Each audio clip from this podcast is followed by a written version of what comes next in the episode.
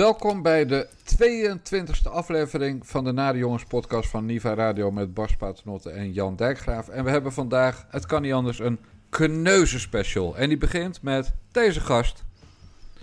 Het moment dat Sylvana Simons voor ons campagnefilm de video van de dood van George Floyd wil gebruiken, dan zeg ik daar wat van. Het moment dat wij in een kieswijzer opeens gaan zeggen dat de partij voor een vaccinatieplicht is, dan zeg ik daar wat van. Ja. Op het moment dat de partij een debat over moslimdiscriminatie wil gaan afzeggen, ja, tuurlijk zeg je daar wat van. Jij hebt natuurlijk uh, ja, zitten kijken naar op één. Nou, het is, weet je wat ik zo interessant vind, Jan? Jij en ik bevinden ons, lijkt het afgaande op onze artikelen en columns en andere uitingen, uh, in het kamp van uh, Sylvana Simons. En onze wederzijdse vriend Chris Alberts, die neemt het de hele tijd op voor Quincy Gario. En dan raak ik toch in verwarring. Wie heeft er gelijk? Weet jij of Quincy Gario van de mannenliefde is? Nee, geen idee. Nee, want dat zou het kunnen verklaren, maar anders weet ik het echt niet. Nee, Bas, we hebben allebei gelijk. Ja, uh, hoe werkt dat? Allebei gelijk hebben? Nou, hij vindt dat, uh, uh, Alberts, die vindt dat Quincy Gario terecht de vraag stelt bij het democratisch gehalte van, van bijeen. Hmm. en dat vind ik ook. Alleen, ik trek daar niet de conclusie uit dat Gario dus deugt. want Gario deugt voor geen meter. Nee, en Sylvana heeft ook gelijk. Het is gewoon een vreselijke pain in the ass. Een zuigende klootzak, die Gario. Die echt denkt dat, omdat hij op twee staat, dat hij ook recht heeft om de baas bij, uh, bij één ja. te Terwijl die gast nog minder stemmen had dan ik. En zijn eigen medestander, uh, hè, hoe heet hij alweer? Uh, Jerry Martin Luther King Afri. Ja, daar heeft hij oorlog mee. Daar heeft hij oorlog mee, ja. want hij zegt ook, oh, Gario deugt niet. Dat vind ik gewoon een eikel. Hij zegt hij is gek. En hij zegt ook dat hij uh, t-shirts heeft gejat. Dus het is een, een, gek en een dief. Ja. Nou, dat zal dan allebei wel kloppen. Verder is hij veroordeeld crimineel. Ja. Omdat hij zich verzette tegen arrestatie. Maar, nee, ja, nee, maar, maar Chris Alberts, Chris Alberts die had wel een punt. Want, want ik, ik hou de artikelen niet meer bij. Maar, ik lees uh, ze nooit hoor. Nee, maar naar aanleiding van deze op één... Uh, schreef hij dat de presentatoren van op één... ik weet niet eens hoe ze heten, maar dit was de BNN-Vara-hoek in ieder geval. Um, uh, jij weet dat, ze, jij weet dat ze, wel. Nee, maar dat ze helemaal in het narratief zaten van uh, Sofana Simons. En dat Gario zich moest verdedigen. En op zich vind ik dat Alberts daar dan weer wel gelijk in heeft. Ook, ja. Ze hadden dat... Uh, de pemig, hoe kunnen wij nare jongens zijn als we het nu volledig eens zijn... zelfs een beetje met Chris Albert? Ja, dat komt omdat het over bijeen gaat. Dit is geen politieke partij, dit is een secte. En in deze secte, daar, daar, daar verwacht, uh, ja, daar, daar lopen eigenlijk uitsluitend gekkies rond. Dus de redactie van Op1, die door Bert Huisjes wordt geleid, hè, de man die vroeger uh, bij WNL een soort rechtse omroep leidde en nu alles doet om uh, een bruine arm of 40 bij de D66 Doe, te Doet Bert Huisjes alle Op1? Nee, want dat wist ik nee, niet. hij is de baas. En, uh, hij, nee, maar hij van de... alle opeens nee, dus. nee, nee, nee, hij is geen eindredacteur. Maar Ja. Bert Huisjes is wel de, uh, de aanspreekfiguur van de publieke omroep bij Op1. Oké, wist ik niet. Wist ik niet. Maar dit was de BNN-Vara-uitzending met Dijkstra en mevrouw Gibbs. En Dijkstra, uh, om, om die jongen even neer te zetten voor de drie luisteraars die dat nog niet weten, is die man die met bierblikjes naar bejaarden smijt uh, in Amsterdam. Hè, die Ja, in, een, Du- een Duitse bejaarde in een rolstoel in een, uh, in een rondvaartboot. Dat soort types dus. nee, maar die redactie heeft zich helemaal heel slecht voorbereid als één. Hè? Dus die hebben inderdaad het verhaal van Simons gevolgd. En dat verhaal is dat rapport. Maar Dus wij daar, heeft, dus daar heeft Alberts gelijk. Ja, maar wij weten absoluut allemaal niet. Zelfs Quincy Gario niet. Maar ook de redactie van Op1 niet. Wat er nou eigenlijk in dat rapport staat. Ja, het, Nee, het, is, een, het is een teringleier. En hij heeft mensen geïntimideerd. En hij loopt weg als hij zijn zin niet krijgt. En nog zo'n Ja. lijstje kleuterschooldelicten. Ja. Eh, dus dat, dat zal allemaal wel kloppen. Dus ja, ik snap dat ze dat volgen. En wat je verder zag, ja, die twee kunnen dus niet interviewen. Dus dat Nee. maakt het ook allemaal gecompliceerd. Maar Albers heeft gelijk dat de redactie van Op1 het, eh, het bijeen narratief volgde, zoals je dat moet noemen. Dus zeg Ja. maar beïnvloed was door het frame over Gadio. Maar dat frame kan ook wel gewoon kloppen. En Alberts Die zegt, ja, omdat wij dat rapport niet hebben en omdat ze er niet op ingaan, weten we niet of het klopt. Nee, dat klopt. Maar we weten aan de andere kant dat hij eh, al jarenlang overal waar hij komt een pain in the ass is. En in die zin, Bas, mag de VU, dat hem zo nodig dat baantje als PhD eh, moest bezorgen. Jouw primeur van vorige week. Precies, de VU mag, eh, mag erop rekenen dat hij ook daar een pain in the ass wordt. Want voor een, eh, om af te studeren, te promoveren, Ja. sorry, moet je vier jaar lang hard werken. ja. Ja, en hij wil wel de baas zijn, maar hij lijkt me geen harde werker. Nee, hij heeft ook een nare kop. Je- je- Hij heeft zo'n mondje, zo... Nee, maar, nee, maar daar ben ik serieus in. Hè? Dat, is, dat is geen wetenschap, maar je, je kan sommige mensen aan hun fysiek herkennen als, als, als ruziemaker. En hij heeft echt zo'n zo'n verbeten mondje en, en, een, en een naar glimlachje. Echt, alles staat, staat, staat me aan hem tegen. Ja. Eh, zal ik Is, het ook zijn, is het ook zijn kleur of niet? Nee, wacht even. Ik, eh, zal ik een kleine onthulling doen? Dat Ja, is misschien wel leuk voor de Ja. luisteraars. Toen hij in die eh, Zwarte Pietenstrijd bedreigd werd... Toen heb ik de toenmalige fractievoorzitter eh, van GroenLinks... eh, tegenwoordig wethouder en lijsttrekker voor de gemeenteraadsverkiezingen in Amsterdam... Rutger Groot-Wassink, een mailtje gestuurd. Eh, want ik vond dat die bedreiging aan het adres van Quincy Gario wel heel erg uit de hand liep. En dat ik tegen hem gezegd, kun jij daar niet een keer raadsvragen over stellen? En dat heeft hij toen gedaan. Dus ik heb het gewoon een keer opgenomen in mijn politiek-journalistieke netwerk voor meneer Gario. Dat kan toch niet? Dat is zo, dat is, jij gaat gewoon iemand van GroenLinks helpen aan, aan vragen, raadsvragen. Ja, ik vond dat dat moest. Die Gario die werd zo zwaar eh, te gazen genomen. Er werd een beetje op hem gescholden op social Nee, media. nee, nee. Het waren echt fysieke bedreigingen. Ik maakte mij gewoon zorgen over hem. Zoals ik mij. En dat heeft dan niet eens met dat standpunt te maken hè, van Zwarte Piet. Eh, ik maakte mij gewoon zorgen over hem als, hoe noem je dat? Als, als opiniemaker in, in het Nederlands medianetwerk. Oké. En nee, nee, maar ik ben hier serieus over, Jan. Ik, eh, ik, kan, ik kan deze mails kan ik allemaal overhandigen. Het is echt jaren geleden. Hè? Het is echt 2014 of zo. Of, nee, langer, 2011 denk ik. Ja, toen speelde dat in, dat in Dort, ja. Ja, nou, en ik maakte mij heel veel zorgen over Quincy Gario. En, eh, eh, en volgens mij woonde hij toen in Amsterdam. En Groot Wassing, die had ik wel eens ontmoet op een GroenLinks-congres... waar ik eh, verslag eh, van deed. En ik dacht van, ik ga gewoon een mailtje sturen... dat ik me zorgen maak over de veiligheid van Quincy Gario. Maar goed, dat maakt Gario geen fuck uit... want ik ben een blanke man. Ik ben de kolonialist. Ik ben de onderdrukker. Als jij toen gewoon je bek had gehouden en groot was, ik had niet zeg maar, de potentiële daders gewaarschuwd. Dan was, hadden we gewoon nog Zwarte Piet gehad in Nederland. Ja, het is allemaal mijn schuld. Eigenlijk wel, ja. Zwarte Piet eh, weg, schuld van Bas Paternotte. Want die Ja. heeft eh, de groot wassinker opgezet. Bij één helemaal naar de kloten nu. eh, schuld van Bas Paternotte. Ja. Want ja, jij hebt gezorgd dat die man niet in angst hoefde te leven... en gewoon in het openbaar zijn dingetjes kon doen. Nee, exact. Ja. Nu maar even, je- nog even nu- over dat Ja. uiterlijk hè, van hem. Dat, Ja. dat is inderdaad het allerergste. Dat irritante lachje van hem. Want je Ja. ziet gewoon dat zodra je even een speldenprikje geeft... en dat zag je bij op één helemaal op het eind van de uitzending... als je even niet, niet meegaat in meneer zijn verhaal... Hè, dat hij zielig is en voor zijn leven moet vrezen en weet ik het allemaal...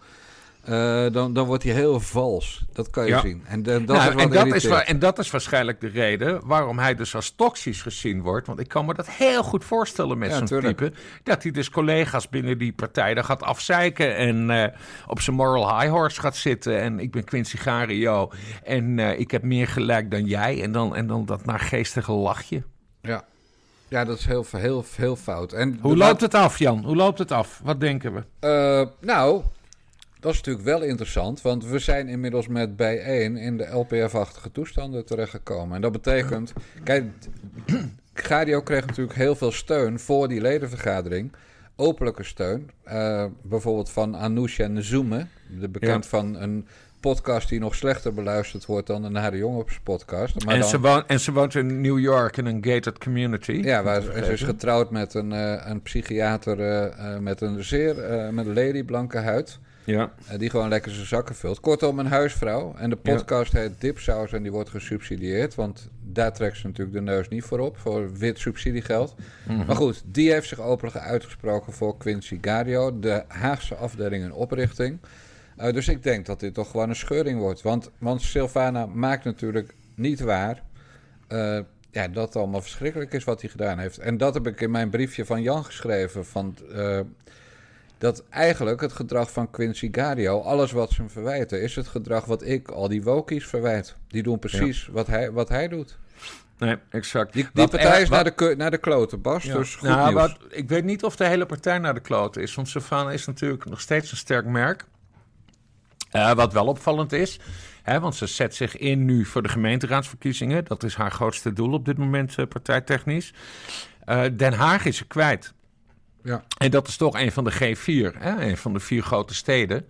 Dus Rotterdam, Utrecht, Amsterdam, uh, dat zal wel goed komen. Maar Den Haag, ja, dat wordt een, uh, een heel ander verhaal. Wat trouwens kapot grappig is, want in Den Haag heb je volgens mij ook nog NIDA. Daar heb je, daar heb je dingen, zo heet die, die oud-PVV, die moslimwet, wiens naam ik gewoon nu al vergeten ben. Arnoud, uh, Arnoud van Doorn. kookhandelaar van Doorn. Ja, Arnoud van Doorn, die, die drugs verkocht aan minderjarigen. Um, en dus dat zijn allemaal, allemaal mini-partijtjes die, die daar met elkaar gaan vechten. Dus ik denk ook niet dat ik denk ook niet dat Savannah Simons Den Haag heel erg gaat missen.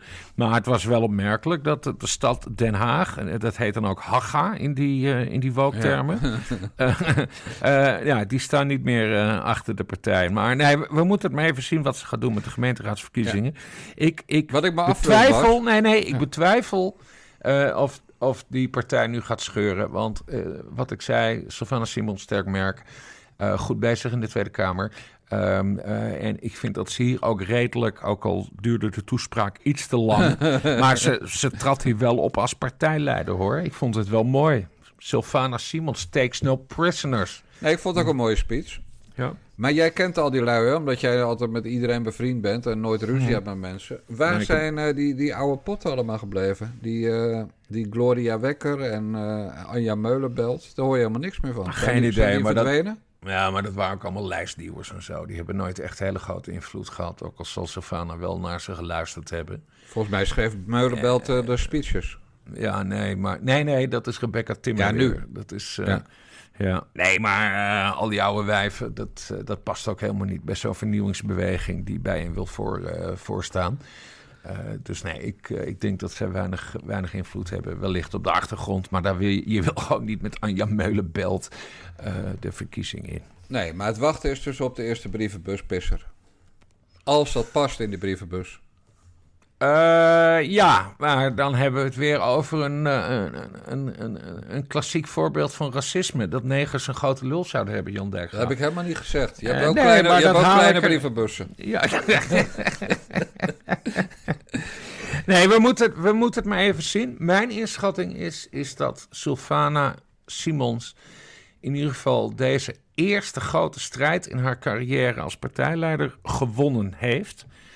En, uh, en het is sowieso beter voor het hele land als we gewoon wat minder horen van uh, Quincy Gario. Ja, nou dat zal best, want die gaat heel hard werken de komende vier jaar op, ja. op het onderwerp roofkunst. Ja, precies. Kassa. Weet je, ik ben er gezeik over die lui wel zat, want het is natuurlijk één zeteltje. Uh, dus we, we, hebben het helemaal nergens over. Laten we naar iemand die over veel meer zetels gaat uh, uh, gaan. Jort Kelder. Ik, ik nodig zo nu en dan al jaren vriendjes uit in, in mijn huis ergens of elders. En dit was toevallig een, een spin-off daarvan.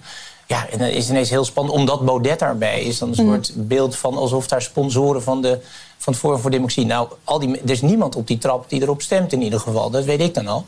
Maar, uh, en ook van dat hele vriendenclubje, waar linkse mensen, wetenschappers, uh, zakenmensen, van alles door elkaar lopen. Mm -hmm. Maar ook Baudet, die er al bij was. Toen er uh, helemaal geen sprake was van politieke carrière, toen hij columnist was. Dan moet je dan achteraf zeggen: ja, maar nu ben jij politicus en dan mag jij nooit meer in onze buurt gezien worden. Ja, je kan maar wat. Ja, wat bedoel ik nou met dat over veel meer zetels? Hij is uh, billenmaat met de premier, die op uh, een zeteltje of uh, 37 in de laatste peiling staat. Hij was billenmaat met Baudet, die, die een cameraman cadeau deed, die lekker promotiefilmpjes kon maken, die in allerlei talkshows besproken werden. Dus, en dat was acht zetels bij de laatste verkiezing, als ik het goed heb. Dus bij elkaar gaat hij, ja, is hij gewoon billenmaat met een derde van het aantal kamerzetels. Ja, ik, en nu ik, is die omstreden Omdat hij die film maar heeft betaald. Nou, nou ik, vind, ik vind Jort Kelder niet zo omstreden. Ik ken hem, uh, ik ken hem al jarenlang. Uh, ik heb het ook met hem gehad over, uh, over deze kwestie. Nou ja, hij heeft uh, die cameraman dus betaald om een maandje films te maken voor zijn vriendje Thierry Baudet. Dat was in 2017. Baudet was nog een Kamerlid. Ja, daar kun je wat van zeggen. Nou, waar gaat het over? Wat verdient zo'n cameraman? 3000 euro, denk ik. Het is allemaal niet zo schokkend. Nou, dan krijgen we nu nog een onderzoek uh, van het commissariaat voor, uh, voor de media. Uh, punt is wel, en dat vind ik veel interessanter. Uh, hoe staat Baudet nu in zijn contact met. Of hoe staat uh, Jort Kelder nu in zijn contact met, uh, met Thierry Baudet? Want Baudet is helemaal aan het doorslaan. Wil jij een actueel voorbeeld horen, Jan ja, Dijkgraaf? Ja, doe maar. Ik heb zojuist een stukje getikt. Dat Thierry Baudet een, een, tweet heeft geplaatst. waarin het gaat over het vastleggen van de website. En dan moet ik even op mijn scherm kijken coronacheck.nl. Ja. Dat is een, uh, een website van Hugo de Jonge. Uh, waar, uh, waar je dan al die, die, die, die, checks en testen en weet ik veel allemaal kan achterhalen. En Baudet die retweet vandaag iemand. die zegt ja, die, die, die website is al op 25 februari 2020 geregistreerd door de Rijksoverheid. En dat is opmerkelijk, omdat twee dagen later pas, uh, 27 februari vorig jaar, bekend werd dat het eerste coronageval in Nederland was gedetecteerd. Ja, toen met die avondvullende tv-show was dat. Exact, ja. exact. Met Bruno Bruins. Enfin, dus, dus dat is inderdaad een hele scherpe tweet. Hoe zit dat? Nou blijkt een ander Tweede Kamerlid daar vorige maand al Kamervragen over te hebben gesteld. En dat Kamerlid vroeg aan Hugo de Jonge, meneer de Jonge, hoe zit dat verhaal met die registratie? Ja. En Hugo de Jonge, die schreef daar vorige maand over aan dat Kamerlid. En nu ga ik even citeren. De, do, de domeinnaam voor de CoronaCheck website is al eerder door een andere persoon geregistreerd en op 15 februari 2021 overgedragen aan de Rijksoverheid. Oftewel, slimme man. Uh, Siewert. Siewert waarschijnlijk. uh, die had twee dagen. Dat, dat, is gewoon toeval. Want iedereen wist dat die coronacrisis uh, een pandemie zou worden. In ieder geval internationaal zou gaan. Twee dagen voor het eerste coronageval had een slimme ondernemer die URL vastgelegd. En uh, de Rijksoverheid wilde die URL uiteraard hebben. Uh, en die hebben ze dus begin dit jaar kunnen kopen. Uh, dat weten wij dus dankzij een heel slim Kamerlid dat daar Kamervragen over stelde. Ja. En dan moet jij nu even raden. We gaan niet heel spel van maken. Maar noem gewoon even 1, 2, 3 namen. Welk Kamerlid zou die Kamervragen gesteld hebben? Ja, ik weet wie het is. Dus, dus een beetje flauw. Maar zal ik eerst een keer fout gokken? Ja, doe maar fout. Uh, ja, hoe heet die gast? Epping. Epping, van jaar 21. Ja, maar toen toch nog niet? Nee, natuurlijk niet. Die nee, Papijn van Houweningen. Dat, uh, Juist. Dat, ja, en dat is dus de hele grap. Welk Kamerlid heeft deze hoax onderuit gehaald? Ja. Pepijn van Houwelingen van Forum van fucking Democratie. Ja. Echt. Thierry Baudet zit zich als een stable genius. Hij gooit een complottheorie op Twitter en vergeet helemaal dat een maand daarvoor zijn eigen Kamerlid het complot al onderuit heeft gehaald. Ik vind het, ik vind het onvoorstelbaar, Jan ja. Dijkgraaf. Ja. Hoe, dom, hoe dom kan iemand zijn? Dan ben je meester, dan ben je dokter en dan heb je zo'n grote mond. En, en, ja, en je eigen Kamerlid heeft je maand daarvoor al onderuit gehaald. Nee, ja. dat is te bizar, hè? Te bizar. Is dat nou drugs? Uh, daar moet je mee oppassen. Maar afgaande op de verhalen, hè, en je weet, ik had uh, een tijdje terug ook de primeur hoe uh, Thierry Baudet uh, coronavirus kreeg door een wijnproeverij. Ja. Ik, ja, ik wil niet, hoe, hoe, heet die psychiater die wij niet Bram mogen? Bakkeren. Ja, Bram, Bak, Bram Bak. Ik wil niet Bram Bakkeren. Maar volgens mij is Baudet wel een ja, het is toch een beetje alcoholisme. Misschien andere middelen. toch proberen over te komen als eh, stabiel. Eh, ja, het, het klopt allemaal niet meer, hè? Maar heb je aanwijzingen? Nou, dat drankgebruik, dat is... eh, Ja, dat, dat, dat weet je. weten we. En drugs? Eh, drugs, drugs weet ik niet. Maar dat hij uitermate instabiel is, hè, wat we ook zagen met het Hans, Hans. Ja. Eh, er is iets mis met hem. En dat kan psychisch zijn, het, het, het, het kan opiatengebruik zijn, het kan... Nou ja, alcohol weten we. Eh, maar ja, goed, zo, zo belangrijk is dat niet. Eh Thierry Baudet is op weg naar de uitgang. Eh een vandaag, hè, de maandelijkse peiling van een vandaag... Daar bleek ook uit dat eh ja 21 van Joost Eertmans en Annabel Nanninga... inmiddels twee keer zo groot is eh, virtueel als Vorm voor Democratie nu. Eh Wieberen van Haga en die twee andere mannen die zijn weg. Nee, eh, Nee, Van Haag had toch één zetel? dit is... Ja, nee, Van Haga had zijn eigen, zijn eigen zetel. Prima geregeld. 300.000 stemmen. Nee, maar, Maar ik ik bedoel in de peiling. Heeft hij toch Nee, nog een zetel? nee, nee, Van Haga heeft nul in de peiling. Maar, maar ook al weg bij FVD bedoel ik. Ja, ja. ja. Het, het, het clubje rond, eh, rondom Thierry Baudet wordt, eh, wordt steeds kleiner. En eh, dat heeft hij allemaal aan zichzelf te danken. Want dat kan iedereen in de Nationale Vergaderzaal zien. Ja. Nu we het toch over kook hebben, nog een, een grappig dingetje. Er is één eh, podcastmaker, maker, tevens columnist van de Volkskrant, tevens eh, oud televisiepresentator bij, bij de publieke omroep. Die altijd dreigt met, met processen, hè, als men, met smaad en laster. Dat is al het eerste wat hij roept. En afgelopen weekend werd eh, eh, het wangedrag van, eh, van die man, ik zal zijn naam niet noemen, maar heet Sander Schimmelpenning. Maar het wangedrag werd door Erik de Vlieger aan de kaak gesteld met de suggestie dat hij aan de kook had gezeten. Heb jij weer drie uur lang naar die kutpodcast van Erik de Nee, Vlieger op geluisterd? Twitter. Oh, op En Twitter. Twitter woon ik, zoals je weet. Mhm. En in elk geval, toen dreigde hij meteen met... als je hem niet weghaalt, dan eh, eh, advocaat, bla bla bla.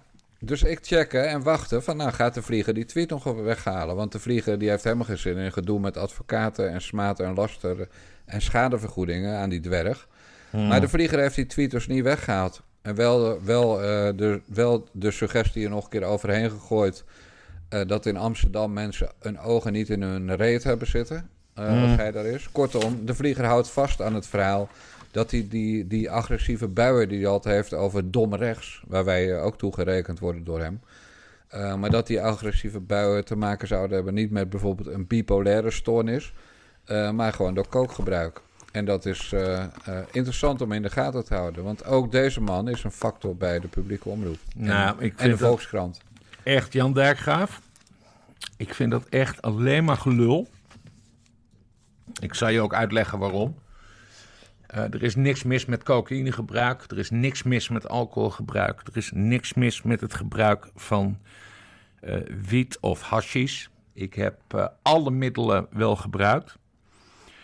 Ehm, ik geloof helemaal niks van dat Sander Schimmelpenninck een, een cocaïneprobleem zou hebben. Ik, eh, ik luister wekelijks keurig naar zijn podcast en ik kijk zijn filmpje op de maandag. Hè, want dan hebben ze ook nog een, een video voor betalende leden, wat wij ook nog moeten doen. Flikker op. Eh, wat? Een video voor betalende leden? ben jij gek, man. Maar goed, ga door. Ga door. Oké, Ga, steek, Oké. steek die, ook al, die veren ook al, nog ook al, ook al, ook al zou het zo zijn dat de kleine graaf cocaïne gebruikt, eh, eh, gebruikt en dat het problematisch zou zijn, waar ik helemaal geen fuck van geloof, dan, dan dat maakt mij echt helemaal niks uit. Laat iedereen gewoon lekker gebruiken wat hij, eh, wat hij wil. Eh, te veel gebruik van cocaïne, daar ga je aan kapot. Ik heb niet de indruk dat Schimmelpenninck ergens aan kapot gaat. Over zijn extreme Twitter-gedrag. Daar moet je dus die, die zelfpodcast van hem luisteren. Daar heeft hij zelf vaak genoeg over gezegd. Van ik oefen een beetje mijn, mijn meningen eh, op, eh, op Twitter. Een beetje ruzie maken. Daarmee scherp ik mijn geest. En vervolgens eh, komt dat terug in mijn column in de Volkskrant. Dus hij ziet dat twitteren. als een soort, ja, hoe heet dat? Het heet geen voorconcert, het heet een, een vingeroefening. Nee, nee, een vingeroefening. Dus Ja. dat Twitter is voor hem een vingeroefening. En vervolgens volgt eh, in zijn column in de Volkskrant het eh, gehele concert. En ik vind het, ook al ben ik het niet met hem eens hoor. eh, op veel punten. Ik vind het gewoon een unieke gozer. Ik moet om hem lachen. Ik moet om, om hem lachen op Twitter. Ik vind dat hij die zelf-podcast te gek doet. Dat programma wat hij had, waar hij weg moest, Dragon's Den, daar had ik minder mee. Ik vond het maar een vage quiz. En, uh, en als uh, talkshow-host, uh, dat heeft hij zelf ook toegegeven, zat hij niet op de goede plek. Maar als Erik de Vlieger, wat een vriend van jou is, dat weet ik. Ik heb heel weinig met Erik de Vlieger. Dan met allemaal van dit soort vage suggesties komt dat Sander Schimmelpenning een, een cocaïneprobleem zou hebben. Nou, I, couldn't care less. Ben bekend met de, met de uitdrukking DLDB? Nee. Dikke lul, drie bier. Als die man Twitter zou gebruiken als vingeroefening of try-out voor zijn column, mm. dan zou hij niet als een overspannen imbeciel reageren op iedereen die een beetje kritiek op hem durft uh, te hebben. Zou hij niet iedereen voor dom rechts en halfje uitmaken en zou hij zich gewoon gedragen zoals het een Volkskrant medewerker betaamt. Dat doet hij niet. Hij heeft en een kort pikkie en een kort lontje en extreem lange tenen. Dus kom bij mij niet aan met hij oefent een beetje op Twitter en het raakt hem allemaal niet en het doet hem allemaal niks. Want dan zou hij namelijk ook niet telkens dreigen met advocaten en naar eigen zeggen ook telkens advocaten inschakelen om te onderzoeken of die mensen kan aanpakken. Hij heeft nog niet, nooit iemand aangepakt. Hij heeft ook dus nog nooit zo'n zaak gewonnen. En hij dreigt er maar mee. En hij blokt zich helemaal de tyfus. En zodra je maar een beetje kritiek op hem hebt... Kijk, als het erg is, prima. Maar zodra je maar een beetje kritiek op hem hebt... is het jankie, jankie, huidie, huidie bij hem. Ja. En dat is gewoon een minkukeltje, dat ventje. Maar goed, ik hou vooral nee, nee, van hem. Hou nee, nee, wacht van even, hem. wacht even. Nee, maar wacht even. Want hè, je weet, ik ben de bruggenbouwer. Ik kan deels tegemoetkomen aan je kritiek... Uh, dat van die lange tenen. En, jij en ik, kom on, wij zijn, wij zijn, wij zijn Twitter-veteranen. Echt de, de totaal onzinnige tijd die wij op dit medium hebben verspild, is echt ongelooflijk. Uh, maar hij heeft inderdaad lange tenen. En, en als je een beetje leuk wilt twitteren, ja, dan moet je niet inderdaad overal woedend over worden. En dus, dus, dus nee, daar kan ik wel in mee. Alleen ja, uh, ik zat, uh, ja, zo'n beschuldiging van cocaïne, bla bla bla bla bla. Dat zou ik ook niet over mijn kant uh, laten gaan. Ja, maar dat doet over. hij dus juist wel, is mijn stelling. Ja. En dat is precies wat ik bedoel. Hij wordt ervan beschuldigd. Hij roept weer smaad, laster, ik schakel een advocaat in. Als je die tweet niet weghaalt, die tweet blijft staan en vervolgens doet hij niks. En dat is waar ik het over heb. En verder, of die podcast van hem goed is, ik heb geen flauw idee, want ik heb hem drie keer beluisterd. Uh, omdat het functioneel was. Hè. Het ging wel eens over prinsesjes bij hem die hij lekker vond. Ja. Uh, maar verder, ja, ik bedoel, ik luister niet naar die gast, dus het zal allemaal wel. En zijn columns zijn stilistisch gezien meer dan uitstekend. Ja. Dus daar zal je hem ook niet over horen. En, ja, maar het zijn, het en, zijn ook, en, het uh, zijn ook nee, maar het zijn ook typische Volkskrant columns, hè. Um, um, overigens, twee dingen. Dat is daar niet nog waar, over. hij nee, twee, nee, twee dingen daar nog over. Uh, uh, waar hij zich heel erg mee uh, bezighoudt, is inkomensverdeling en wat, me- en wat mensen verdienen. En hij is dus bijvoorbeeld erg gekant uh, uh, tegen de death tax, hè, de, de, de, uh, de, de belasting die je betaalt over, over erfenissen. En dat is moedig van hem, omdat hij zelf uit een. Ik bedoel, de man is op een kasteel geboren. Hè? Dus die, Ja. zit, die zit financieel goed, maar toch zegt hij van ja, ik vind dat oneerlijk. Uh, loon en arbeid uh, is meer zijn, uh, zijn standpunt. Dat, dat vind ik heel goed van hem. En nu ben ik natuurlijk mijn tweede punt vergeten. Oh ja, hij is dus twee mensen. Want hij schrijft dus hele weloverwogen columns in de Volkskrant, die ik dus goed vind. En vervolgens ook een beetje rabiaat op Twitter. En het zou mooier zijn als dat een beetje zou nivelleren. Wat een hele leuke opmerking is in dit Ja. onderwerp, nivelleren. Uh, dat zou hij wel wat meer mogen nivelleren. Maar ik ben fan van hem en ik schaam me er niet voor. Hup, Sander Schimmelpenning. Ja, over onbelangrijke dingen gesproken. Solana is zwanger. Wie? Solana? Ik weet niet wie Solana is. Jezus, man. Over voetbal moet je alles vertellen. Solana is onze vrouwtjes alpaca. Oh, Die is maar zwanger. wacht even. Ja, maar die laatst. Ja, die Een- heeft laatst een, een kleintje een gehad. dood dat is- kind baarde. Nou, nee, dat niet, maar binnen een week dood Of was. Binnen een week Ja. dood. Maar nu weer zwanger. Ja. Hoe snel kunnen die dieren zwanger worden? Nou, dat, wij vroegen dat natuurlijk ook. Eh, Mm. Die beesten dragen 11,5 maand. Ja, bedoel, jij over onbeduidende dingen, dan ik ook even. Hè? Eh, Ja, nee, dus, uiteraard. dus Solana is mijn Sander Schimmelpenning. Eh, die dragen 11,5 maand en die moet je bij voorkeur, omdat ze buiten leven, moet je ze niet in de winter laten bevallen. Dus dat Ja. betekent dat er nu ongeveer wel een piemel in moest. Ja. Nou, en dan komt er een, eh, dat huur je dan in. Dus dan komt er een, eh, een, eh, een mannetje met ballen. De meeste hebben geen ballen meer, die alpaca mannetjes. Maar dan komt er een mannetje met ballen aan een touw uit een kar. En dan, als ze, het mooie is dat ze geen ijsprong hebben zoals mensen. Dus Mm. die ijsprong wordt opgewekt door het ge- gerommel met de den penis van het mannetje. En het gegrom eh, door Ze de zijn er dus altijd klaar voor, die alpalka-wijven. Eh, exact. En, en hoe weet je nou dat ze zwanger zijn, Bas? Dat mannetje komt twee weken na de eerste keer weer. Ze hebben trouwens een leuter waar Quincy Gario qua lengte jaloers op zou zijn. Ja. Eh, en let op de nuancering qua lengte. Het zijn een soort Mhm. rietjes van een halve meter. Maar dan komt dus twee weken later komt het mannetje weer. En weer van dat touw af. En weer dat ge geblaas met die neus eh, vanaf het moment dat hij het vrouwtje ziet. En als het vrouwtje dan wil, dan is ze dus niet zwanger. En als het vrouwtje wegrent, dan is ze wel zwanger. En Solana rende gisteravond toen het mannetje voor de derde keer kwam, eh, weg. ja. Dan eh, mag ik een serieuze vraag stellen. Ja, tuurlijk. Ehm, Ik dacht je uitsluitend serieus was Ja, eigenlijk. nee, ja. nee, nee, maar omdat, omdat Solana eh, die eerste zwangerschap dus niet goed ging, eh, zijn er dan nu ook zorgen over de tweede? Zou het aan haar kunnen liggen? Ja, tuurlijk kan dat. Oké. Maar daar kom je pas achter eh, over 11,5 maand. Of zoveel eerder als ze te vroeg geboren wordt. Oké, dus we, ga- we gaan nu dus weer een klein jaar wachten. 11 maanden, want het is twee weken geleden is bevrucht. Dus we gaan Ja. nu 11 maanden wachten. En als het dan na 10 maanden er al is, dan zitten we weer in de shit. Ja. En als het gewoon 11 maanden duurt, dan staat het binnen een minuut en drinkt het melk binnen een uur. En dan is het allemaal goed. En, dan hebben Nou, we je voor- weet... en je misschien weet- gaan, als de ja. mannetjes gaan we misschien wel Sander noemen. Ja, nou, je weet, ik kom van het platteland.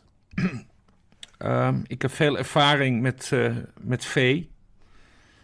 Eh, als het weer misgaat met Solana, wordt het misschien tijd om een ander vrouwtjes alpaca dier in de weide te zetten. Ja, weet je wat het kost, een vrouwtje?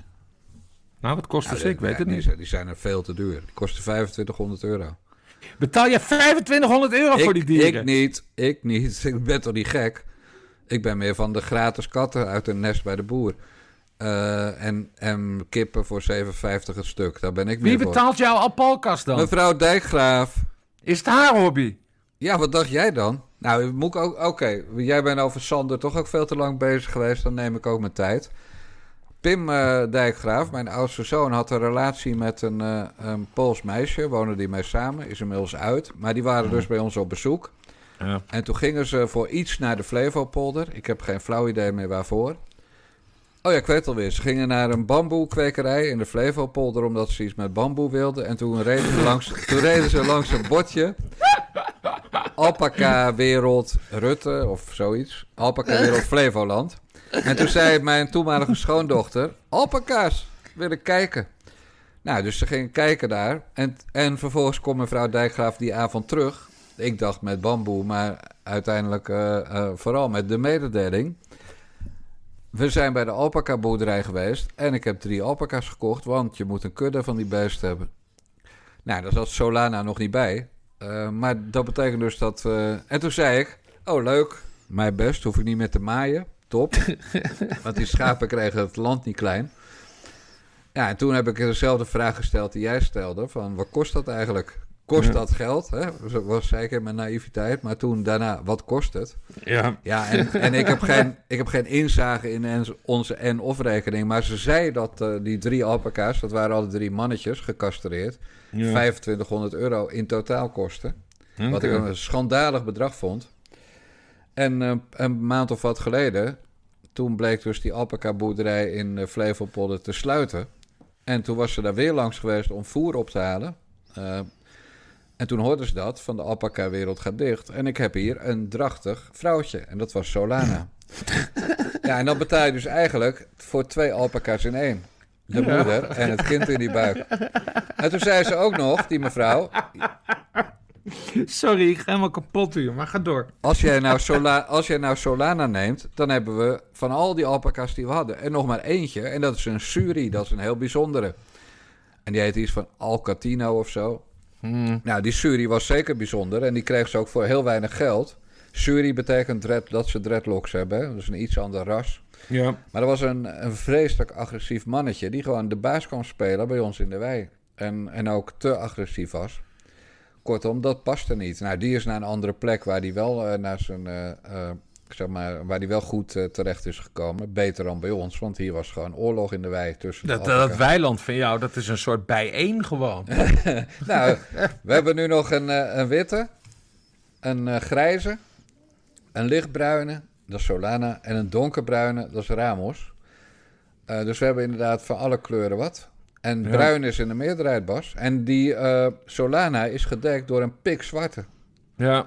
Dus ik denk inderdaad van dat ik op de, op de, de, de, de RAL-meter van, eh, van bij 1 weer puntjes ga scoren als die kleine geboren is. ja. Nou, voor de, voor de Interessant, luisteraar... hè? Voor de luisteraars, ik weet dat Jan Dijkgraaf al langer herenboer is eh, eh, in het dorp van hem. Want zo weet ik dat jij een keer een schaap hebt laten doodvriezen. Ja, we hadden ook v- eh, zes schapen. En ja, later, maar dat schaap, dat vroor, dat vroor dood. Ja, dat klopt. Waar, waarom had je daar niet een hutje voor gebouwd? Die hadden ze, Bas. Het was gewoon een dom schaap. Nee, we hadden ook een Mongool tussen die schapen, dat wel. Maar eh, nee, dit schaap zat, raakte, terwijl het inderdaad een graad of 15, 20 vroor, s s'avonds blijkbaar vast in een hek. Eh, en, eh, en daardoor is ze doodgevroren. Maar natuurlijk hadden die een hok waar ze in konden met hooi en alles. Maar hij zat vast in een hek. Hij zat met één poot vast in een hek en, eh, en kon er niet uit. Uh, dat Dat is een hele ook- rare move. En we hadden inderdaad ook een Mongool. Maar die schapen zijn allemaal verdwenen toen de alpaca's kwamen. Oké. Eh, boodschap voor de luisteraars.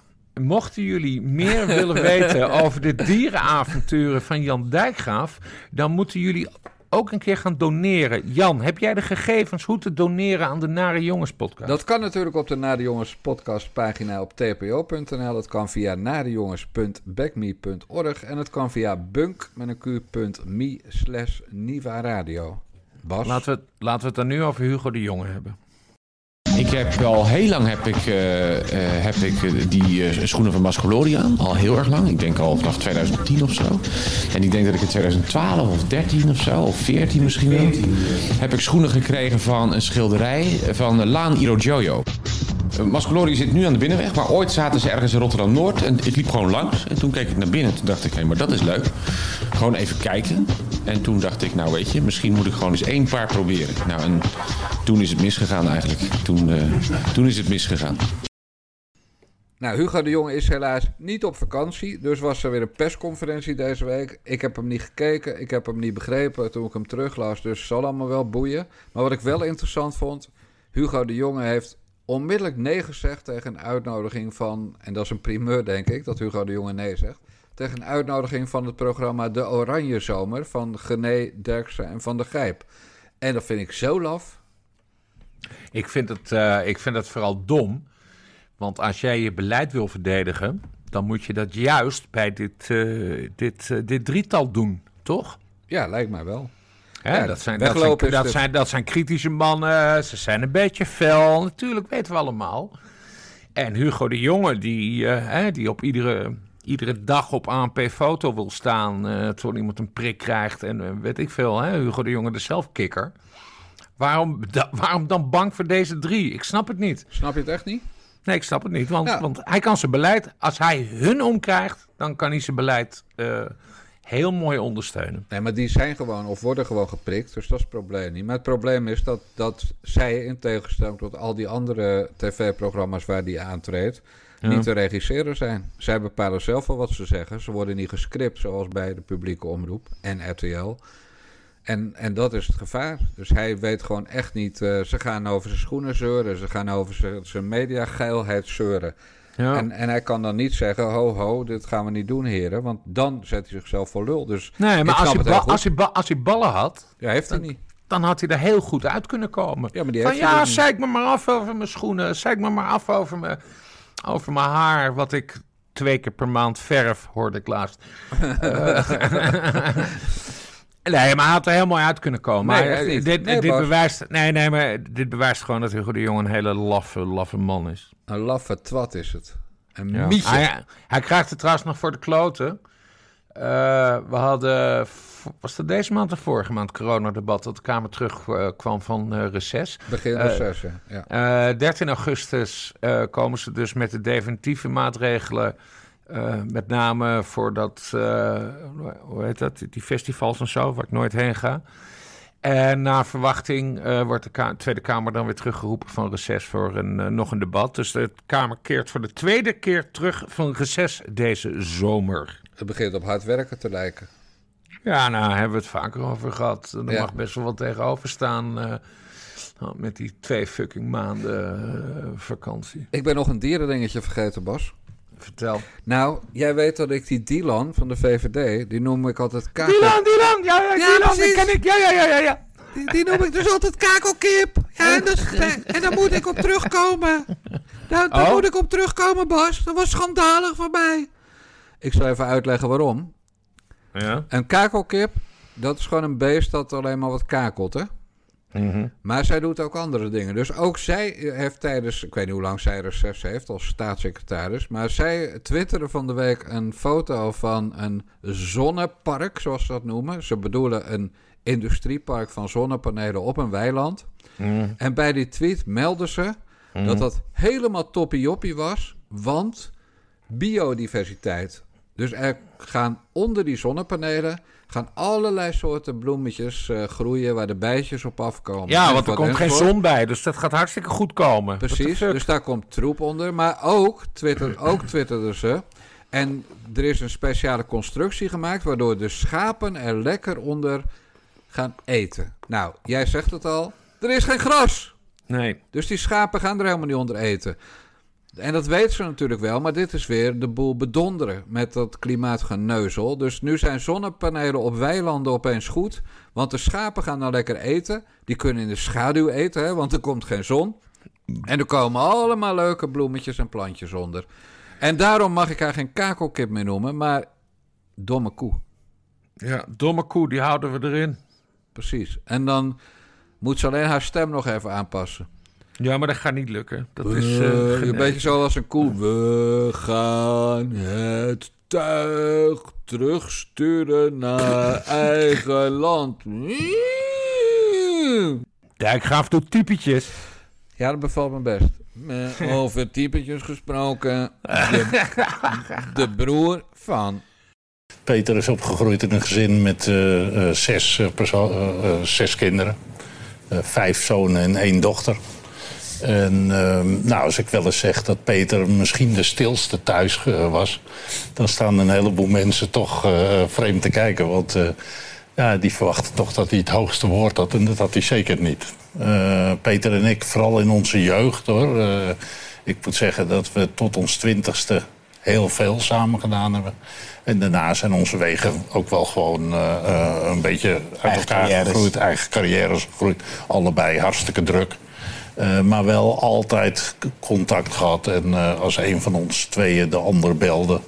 dan eh, kon je er ook gif op innemen dat de ander tijd vrij maakte. Dat, Ja, ik heb me zoals je weet heel erg rustig gehouden over Peter R. de Vries. Want zoals het bekende tegeltje uit Eestega luidt... over de doden niets of goeds. Maar nu kan ik me toch niet meer inhouden. Want ik word echt helemaal doodziek van het feit dat Peter R. de Vries nog, nog maar net gecremeerd is. Of zijn broer zit s'avonds op tv te roepen dat er Leidse, of weet ik, dat er in, in Amsterdam een straatnaam naar hem vernoemd moet worden. En een monument moet komen. Eh, ja, dan denk ik, jezus man. Wacht even. Nou ja, niet, niet alleen die broer. eh, eh, ook de, de vriendin van Peter de Vries had een, eh, vond ik wel opmerkelijk openhartig interview in, eh, in de Volkskrant. Maar het, het gaat allemaal zo snel. Ik vond die Wouter de Vries trouwens, want die zat dus bij Gumberto Tan. Dat is gewoon de sympathieke versie van, eh, van zijn oudere broer. Nee, maar ze lijken op elkaar, hè? Ze hebben datzelfde haar, hetzelfde, lichaambouw, eh, lang. Maar die Wouter de Vries, dat, is, dat lijkt mij een hele sympathieke vent in de, in de omgang.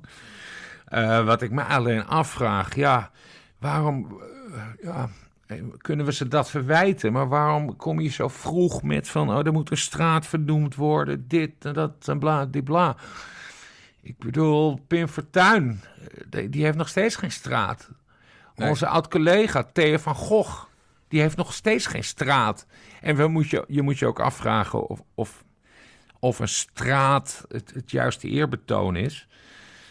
Theo die heeft een soort van, eh, hoe heet dat, de schreeuw van Ja, Jeroen. Jeroen, Wen, Jeroen Wenneman of zo. Henneman, vind- dacht ik. Henneman. Maar ja, goed, kon- kunstenaars boeien. Ja, nee, maar goed, in een of ander park. En Ja. ieder jaar wordt, wordt, wordt Theo daar eh, herdacht. Pim heeft ergens in, eh, ik mocht Pim zeggen, heeft ergens in Rotterdam een, een, een standbeeld staan. Of een buste. En ik vind wel dat Peter R. de Vries ook op een bepaalde manier geëerd zal moet, moeten worden. Eh, ik zou een mooie plek vinden op het Leidseplein. En dan net zoals Fortuyn ook een buste voor die, eh, voor die studio eh, eh, waar die uitliep op de dag dat hij werd geliquideerd. Maar het is allemaal wel erg snel en, en, en, en, en ja, Jezus, een straat? Kom op, wat, wat, denk jij, Dijkgraaf? Ja, ik heb me dus, jij kent mij, ik doe altijd heel goede research. Eh, dus ik heb me natuurlijk verdiept in eh, de regels op het gebied van straatnamen. Want ik denk van ja, dat is gewoon concreet. Hè. Er komt geen gevoel alleen bij kijken. Dat gaat ook gewoon over eh, wat is nou eenmaal het gebruik in Nederland. Nou, dan zie je dat het is per gemeente vrij. En elke, ge- el- beide alle gemeenten hebben een soort straatnamenreglement en een straatnamencommissie die zich ermee bezighoudt. En gebruikelijk in Nederland is dat je in de meeste gemeenten vijf tot tien jaar wacht na iemands dood voor je een straatnaam vernoemt. En dat heeft een goede reden. Dat is namelijk dat er nog dirt over je naar boven kan komen. En dan Ja. hebben ze net eh, gezegd Peter R. de Vriesstraat. En dan blijkt dat hij iemand vermoord heeft, eh, bij wijze van spreken. Ja, dan moet je die naam er weer afhalen. Ja. Eh, zeg maar, eh, wat bij een van met al onze zeehelden wil doen. En dan moeten alle mensen hun, hun briefpapier en adreswijzigingen, dus allemaal shit, wil je allemaal niet hebben, dat gedoe. Dus vandaar die wachttijd. Nou, op het moment dat Peter de Vries dood was, kwam meteen die roep, hè, een petitie en de broer is daar dan mee eens. Ja, dat is dus gewoon in strijd met wat de, gemeente, de meeste gemeenten willen. Maar wat je dan toch ziet, Amsterdam zegt, nou, we zullen er eens naar kijken. Amstelveen, waar Peter R. de Vries eh, 23 jaar gewoond heeft, zegt, nou, wij willen dat waarschijnlijk wel. En dan komt een dag later Aalsmeer, waar hij geboren is, eh, komt met, eh, nou, wij gaan het gewoon doen. Dus er was een soort wedstrijdje van de, de A- A-gemeente, gemeenten die beginnen met een A, van wie is de eerste die met een Peter R. de Vries straat komt. Ja, ik vind het gewoon een gênante vertoning, Bas, kan niet anders zeggen. Flikker op, man. Ja, het is, het is altijd zo'n zo'n zo'n cliché-verhaaltje van wat zou Peter de Vries er zelf van gevonden hebben. Ja, die vindt dat in elke, elk Nee, dorp maar- in Nederland een straat Ja, nee, maar komen. ik had, het, ik had dus heel graag iemand deze vraag aan hem gesteld zien worden. Van Peter, je bent even 2,5 minuut terug op, eh, op aarde. Wat vind jij van het plan? Eh, maar jij denkt dus eh, in iedere stad en dorp... De mooiste straat. Ja, de mooiste straat. En ik, zie hem, ik, zie hem er nog voor, ik zie hem er nog voor aan ook trouwens. Ja, natuurlijk. Hij ja. werd niet gehinderd door enige bescheidenheid. Maar- Nee, maar kijk, er waren bijvoorbeeld ook mensen die zeiden dat hij zo'n goede schrijver was. Nou, kijk, je kan heel veel, hij heeft heel veel dingen goed gedaan, maar hij, schreef echt, hij was echt geen stylist. Het was gewoon arbeider, eh, hoe hij Mhm. schreef. Dus het, het is over de doden niet zo goed, dat snap ik allemaal wel. En, eh, en dat mensen zo geraakt zijn, dat hij opeens heel veel vrienden had, zal allemaal wel. Maar we moeten ook wel een beetje nuchter blijven. En wat ook blijkt uit die straatnaamregels, en dat is eh, een serieuze noot van mij, Bas, laat ik het ook eens doen. ja, ja, serieus. Je moet van onbesproken gedrag zijn om een straat Ja. We hebben ook geen Adolf Hitlerstraat. En ook Nee. geen Seis Inkwart eh, straat in Nederland. Nee. En waarom hebben we dat niet? Nou ja, die zijn niet van onbesproken gedrag. Nou, was Peter R. de Vries, buiten het feit dat hij een held was en mensen hielp en bla bla bla, was hij van onbesproken gedrag? Nou, dat waag ik wel te betwijfelen. Hij was bevriend met de Heineken-ontvoerders. En Cor van Hout. precies, dat was echt geen Dat was zijn beste vriend. Daar heb ik hem hij- trouwens een keer, hè, want ik heb, ik heb de Vries toen geïnterviewd toen hij de Tweede Kamer in wilde. En toen ben ik bij hem op het Mediapark geweest, in dat, eh, dat kamertje wat hij toen had eh, met die 800.000 dossiers. Wat echt heel indrukwekkend eh, was. En toen zei ik, meneer de Vries, u bent, eh, u bent de zelfverklaard beste vriend eh, van de geliquideerde Cor van Hout. eh, hoe denkt u dit in de politiek te gaan redden? En toen zei hij iets heel moois van, nou meneer Paternotte, ik ga daar geen excuses voor aanbieden. Dat is eh, wat ik voel voor meneer Van Hout. En daar zullen u het mee moeten doen. Ja, nou, prima antwoord. Ja. Maar goed, ik was dus ook nog niet klaar. Man, onderbreek me nou niet steeds. Ja, ja. Dan druk ik op verkeerde knopjes en dan moeten we het straks weer helemaal opnieuw doen. Opnieuw opnemen. Ja, Ja, nee, dat gaan we niet doen. Maar nog veel belangrijker dan Cor van Hout is eh, de, dat hij nu steeds de vertrouwenspersoon van de kroongetuige wordt genoemd. En dat is ook waarschijnlijk de reden dat hij is omgelegd. ja. En de kroongetuige, ja, dat, dat, dat, eh, langzamerhand ontstaat de perceptie dat dat een hele zielige jongen is. Omdat iedereen in zijn omgeving wordt neergeknald. Maar die kroongetuige, Nabil B., heeft gewoon minimaal twee eh, moorden op zijn naam staan. En dat heeft hij ook toegegeven doordat hij die deal met justitie wilde sluiten om slechts 12 jaar cel te krijgen voor die twee moorden en nog twee moordpogingen op anderen. Dus als jij de vertrouwenspersoon bent van een eh, meervoudig moordenaar, ben je dan van onbesproken gedrag? Ja, daar wil ik toch wel mijn vraagtekens bij zetten. En Nee, omdat- maar dat is, dat is de hele kwestie natuurlijk. Ja. Want, want die Nabil B., dat is, dat is gewoon een, cri- een crimineel uit die... eh, een zware, ja. Uit, ja, ja, uit die Nederlands-Marokkaanse eh, onderwereld. Eh, wie wel zielig is in die familie, dat is dat broertje van hem, die, die geliquideerd is, die nergens iets mee te maken had. Ja. Ehm, eh, nee, maar die Nabil B. is natuurlijk geen heilige. En Peter de Vries heeft er bewust voor gekozen eh, deze man bij te staan. Wat op zich ook wel nobel is, want iedereen mag bijstand verdienen. Dat maakt me ook allemaal geen flikker Nee, uit. nee, nee, Bas. Nee, Maar dat geldt voor geen- advocaten. Ja, oké, maar Nee, maar hij Ja, kan er ja. dus aan bijdragen dat, dat die Nabil B. dat hij bij wijze van spreken vrijspraak krijgt. Ja, nee, maar de Vries die wilde dit gewoon doen. En die is dus geen advocaat. En daarom is hij in dienst getreden van het advocatenkantoor van Nabil D. B. Wist je dat? Nee, ik wist niet dat hij op de. Deed hij dit voor geld dan? Ja, hij, nee, ja, nou ja. Nee, Ah, nee, nee, nee, nee, even serieus. Eh, ik bedoel, Peter de Vries had genoeg centen, dus eh, ik denk niet dat hij het voor geld deed. Maar hij is dus in dienst getreden van het advocatenkantoor van Nabil B. Dat is dus die, die, die vriend van hem, wiens Schouten. naam ik... eh, ja, Peter Peter Schouten. Ja. Eh, zodat hij eh, die, Marokkaans-Nederlandse meneer kon bijstaan... eh, vanuit juridisch oog, omdat hij op de loondienst stond van het advocatenkantoor. Omdat hij het niet als privépersoon kon. Ja, ja, oké. Dus waarschijnlijk om niet. Ja, het zal wel om niet zijn geweest. Nee, maar ik snap de hele, ik snap de hele structuur erachter. Maar Ik dat ook. is, wel, dat is wel belangrijk om te weten. Dat hij dus ook in dienst was van dat advocatenkantoor. Om die Ja. kroongetuigen te Oké, ondersteunen. en over de kroongetuige is zat Dirt bekend inmiddels dat hem om het geld te doen was. Eh, is, heeft bijvoorbeeld op, eh, heeft de politie afgeluisterd.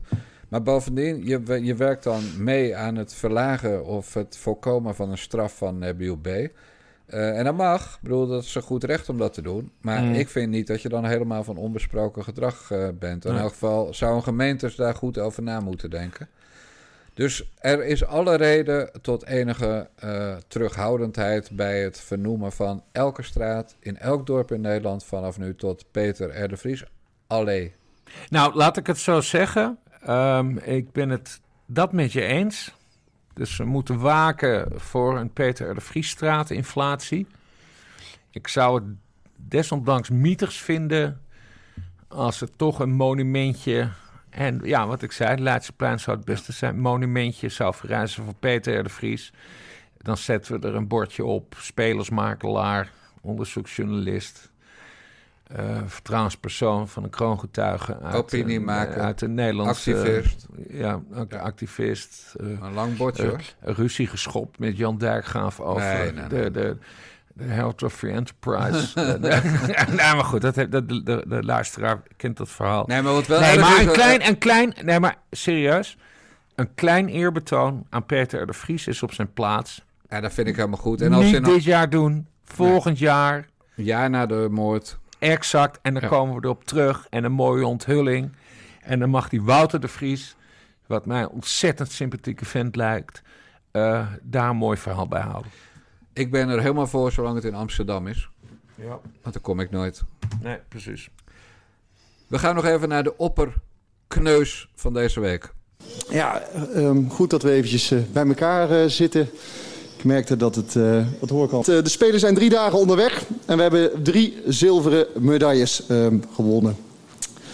En al verhalen voor drie weken. En we hebben ook vier sporters en twee stafleden die de keerzijde van deze Spelen in deze tijd voelen. Positief besmet, afgezonderd op een hotelkamer. Olympische droom naar de knoppen. De afgelopen dagen hebben maar weer bewezen hoe veelzijdig topsport kan zijn. En vooral hoe onvoorspelbaar ook. We hebben gelachen en gehuild, zoals altijd. Topsport kent vele gezichten en één ding weet je zeker. Je krijgt ze in je carrière allemaal voor je kiezen. We leerden in die hele korte tijd ook dat er geen garanties zijn. Dat de internationale topsport onverbiddelijk afrekent om dat ene moment. In je voor- en in je nadeel. Ja, terwijl de Nederlandse sporters volop in actie waren, eh, dinsdagochtend om 8 uur besloot NOC-NSF een persconferentie te houden om terug te kijken op de eerste drie dagen van de Olympische Spelen. En Pieter van der Hogeband heeft daar gewonnen, want die had de bullshit bingo kaart binnen een minuut vol. Heb je het gezien? Nee, ik, heb, ik volgde de Olympische Spelen nauwelijks. Nou, het was echt te gênant voor woorden. Want de prestaties zijn natuurlijk gewoon kut. Zeker van de favorieten. En Pieter van der Hogeband vertelde dat het allemaal toppie, toppie, toppie was. En eh, sommige dingen vallen mee, sommige dingen vallen tegen. Nou ja, goed, daar kom ik nog wel een keer op terug, die bullshit bingo. Maar het belangrijkste onderwerp was natuurlijk het feit dat Nederland helemaal kut staat in het medailleklassement. Maar bovenaan in een ander klassement het coronaklassement. Geen land heeft zoveel coronabesmettingen op te spelen als wij. En dat komt allemaal uit één vliegtuig, begreep Op eentje Want na. dat heb ik wel Ja, gevolgd. Op eentje na. Dus er was een vlucht van de KLM naar Japan, waarop eh, Nederlandse sporters zaten, maar ook heel veel burgers, ook sporters van andere landen. Eh, kortom, een samengestelde vlucht. Ze zaten niet allemaal bij elkaar, gewoon verdeeld over het vliegtuig. Nou, het mooie is, het KLM-personeel, eh, dat was niet getest. En waarom niet? Dat is niet het protocol.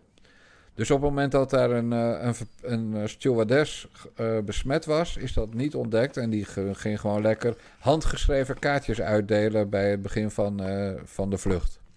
Nou, ik weet niet of dat overdraagbaar is via aanzichtkaarten, zal me jeuken. Maar Nee, maar de Blauwe Zwaan vliegt dus ons Olympische equipe over naar fucking Tokio. En dan blijkt dus dat het cabinepersoneel niet getest is. Dat is een beetje raar, toch? 11 uur durende vlucht. Dus dan, eh, dan blijven er wel wat eh, eh, dingetjes in de lucht hangen. Nou, dan komt daarbij dat, dat andere landen dus ook instapten. Sporters van andere landen. Die hebben niet die geweldige bubbel en andere shit die Nederland had.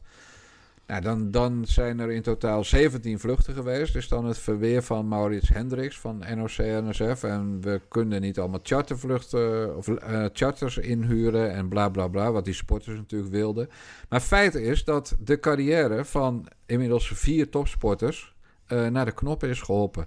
Want de Olympische Spelen zijn voor sporters een hoogtepunt. En door dit geklungel van NOC, NSF en KLM eh, zijn er vier sporters in een soort quarantainegevangenis gezet. En mogen niet deelnemen aan, eh, aan hun onderdeel. Weet jij, eh, Jan Dijkgraaf, hoeveel Nederlandse sporters daar naartoe zijn gevlogen? Is, zijn dat er 100? Zijn dat er Dat, 200? natuurlijk weet ik dat. 292. Oké, waarom hebben wij dan niet, want dat mag van mijn belastinggeld, een grote Boeing 747. Ja, die, de KLM heeft geen Boeing 747 meer, maar die hadden we dan elders kunnen charteren. Waarom hebben we dat niet gewoon in één vliegtuig gestopt? En waarom moet het, is het weer één grote teringzooi Er zijn twee redenen voor, volgens eh, meneer Hendricks. Reden 1 eh, is dat eh, er timeslots zijn. Dus je mag maar een bepaald aantal dagen voor je eigen wedstrijd arriveren in Tokio. En moet binnen een bepaald aantal dagen na je wedstrijd weer terug. Mm. Ik geloof binnen twee, het laatste geval. Dus het kon niet om iedereen tegelijk te sturen. Maar het had waarschijnlijk wel gekund met vier charters. En terug maakt niet zoveel uit. Het gaat natuurlijk omheen. Dus dat is een terechte vraag. Maar het tweede punt is grappig. Eh, en dat is typisch Maurits Hendricks. Alles ligt altijd aan anderen. En in dit geval verschuilt hij zich achter advies van het RIVM. Nou, het RIVM kennen we op het gebied van corona-advies. Hè? Dat is Ja. anderhalf jaar geleden was de kans nog heel klein dat het ook naar Nederland zou komen. Dat, Mhm. dat die RIVM. Dus daar verschuilt hij zich. Dus jij, jij hebt een volkomen terechte vraag gesteld. Prutswerk is het. Dus ze creëren bubbels, ze vergaderen met Jan en Alleman. Eh, ze zijn zelfs met plasma eh, bezig, bloedplasma bezig. Dus allemaal dingetjes om het allemaal safe te houden. En vervolgens, ja, het is, het is net als eh, je wil voorkomen dat mensen aids krijgen. En je stuurt ze dan toch 11 uur lang, ergens in die maandenlange voorbereiding, stuur ze 11 uur lang een of ander kot in waar ze worden verkracht door allemaal AIDS-patiënten. En dan hoop je maar dat, dat ze niks oplopen. Dat is Goeie vergelijking, Dijkgraaf. Verkracht door aidspatiënten. Nou, ik denk dat het effect. eh, als jij als sporter vijf jaar lang toeleeft naar de Olympische Spelen. Want de vorige waren vijf jaar geleden. En door een knulligheid van eh, KLM. dat de stewardessen weigert te testen. want dat is geen protocol. ja. eh, en, en NOC en NSF dat verkeerde zuinigheid betracht. dan voel je je wel in je kont genaaid, Bas. Ja, nee, maar het is sowieso... Maar niet door AIDS-patiënten, dat geef Niet door. AIDS-patiënten. Nee. maar het is sowieso een grote teringzooi. Eh, ik heb een BMX'er, eh, hè, dat is op zo'n racefietsje, heb ik gezien die aan het trainen was eh, op een of ander circuitje in, in Tokio. En opeens steekt een official de weg over. Ja, die gozer die gaat direct op zijn mijl. want Die rijdt tegen die official op. Wat trouwens een mooi sportief moment was. Ik weet niet eens hoe die jonge man heet. Hij zal wel 16 zijn of zo, whatever. Eh, die, gaat, die gaat dus op zijn mijl nadat hij tegen een Japanner oprijdt. Eh, het eerste wat hij doet nadat hij opstaat, is kijken hoe het met die official gaat. Vond, vond ik heel erg sportief. Eh, eh, laat onverlet, eh, we, we hebben weinig mazzel. Eh, we hebben die, die meneer die racefietser is, maar eigenlijk op een mountainbike ging fietsen. Die, nee, maar je hebt die foto gezien, of de beelden. Die Mathieu van der Poel. Mathieu van der Poel, Ja. die klapt de kaart op zijn bek. Ik snap nog steeds niet precies hoe dat verhaal zit. Ja, dat is simpel. Want, nee, nee, maar iemand zei dat er een houten schans onder zou staan. En dat hij ervan uitging ging dat hij op een schans zou landen. Weet jij daar meer van? Ik weet er natuurlijk alles van, Bas. Vertel. Nou, die schans die staat ervoor tijdens de trainingsritten. Dus bij het, als ze het parcours verkennen, dan staat die schans er omdat het een sprong van drie meter is. Dus sommige renners willen dan tijdens de training niet het risico nemen van zo'n hoge sprong met kans Mhm. op breuken, sleutelbeen. be- Ja. Dus daar is die plank voor. En die plank die wordt in principe tijdens de wedstrijd weggehaald. En volgens de andere Nederlandse deelnemer, vader, is dat ook aan Mathieu van der Poel verteld. Van, Dus je had het kunnen weten. dus als dat klopt, had hij het kunnen weten. Nou, Van Ja. der Poel die zegt dat hij dat niet wist. En wat nou het gekke is... Vandaag was de, eh, de rit bij de vrouwen.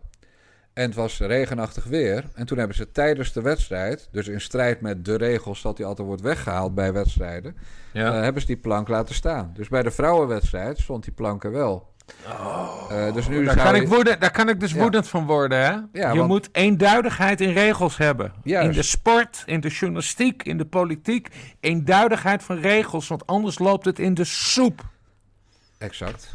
Ja. Ja. Nou, dan hadden we natuurlijk nog de faalhazen op de weg bij de vrouwen. Dus dat de bondscoach vergeet door te geven... eh, er zit nog iemand vooruit... en dat de Nederlandse denkt hebben gewonnen... terwijl de winnaar... Ja, hoe zat. heette zij? Dat, dat, dat- An- ontzettend van lief. Vleuten. Ja, Ja. van Vleuten. Ontzettend lief meisje. Eh, stortte een paar jaar geleden tijdens de Tour de France voor vrouwen. Nee, Met bij, een- de, bij de vorige Spelen was dat. Was dat bij de vorige Ja. spelen? Maar dat ze met een nek op de stoep kwam. En, en dat wij op Twitter allemaal dachten dat ze dood was. In gewonnen positie gebeurde dat. Dus, dus vijf, Ja. vijf jaar geleden had ze kunnen winnen... als ze niet gevallen was. En nu had Ja. ze kunnen winnen als haar coach niet geblunderd had. Nou, echt hele knappe, lieve, mooie sportvrouw. En die is nu dus verneukt. En dan zou het gaan hè, dat ze geen oortjes zou hebben. Maar oortjes die Mag mogen niet. dan niet bij Nee. de Olympische Spelen. Nou ja, goed, ik ben fan van de Formule 1. Eh, weet je wat wij bij de Formule 1 doen? Dan zetten wij een bord even ernaast. En dan zeggen we, er zit nog eentje voor je. Dan weet je dat. Ja. En dat is hier dus helemaal niet gebeurd. Nee. En die bondscoach eh, die, die waste ook haar handen in onschuld. Die, deed, die ging voor de... eh, die, die was ongeveer Maurits Hendricks de tweede. Ze wilde eerst eigenlijk niet bij de pers komen. En dat Ja. lag natuurlijk ook aan de renners. En Ja.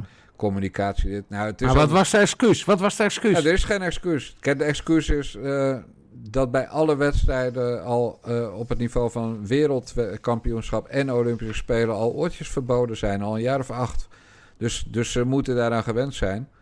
En het, en het schijnt ook nog dat een andere renster, Marianne Vos, het wel wist dat er nog iemand vooruit zat. Maar die, er was geen kopvrouw aangewezen.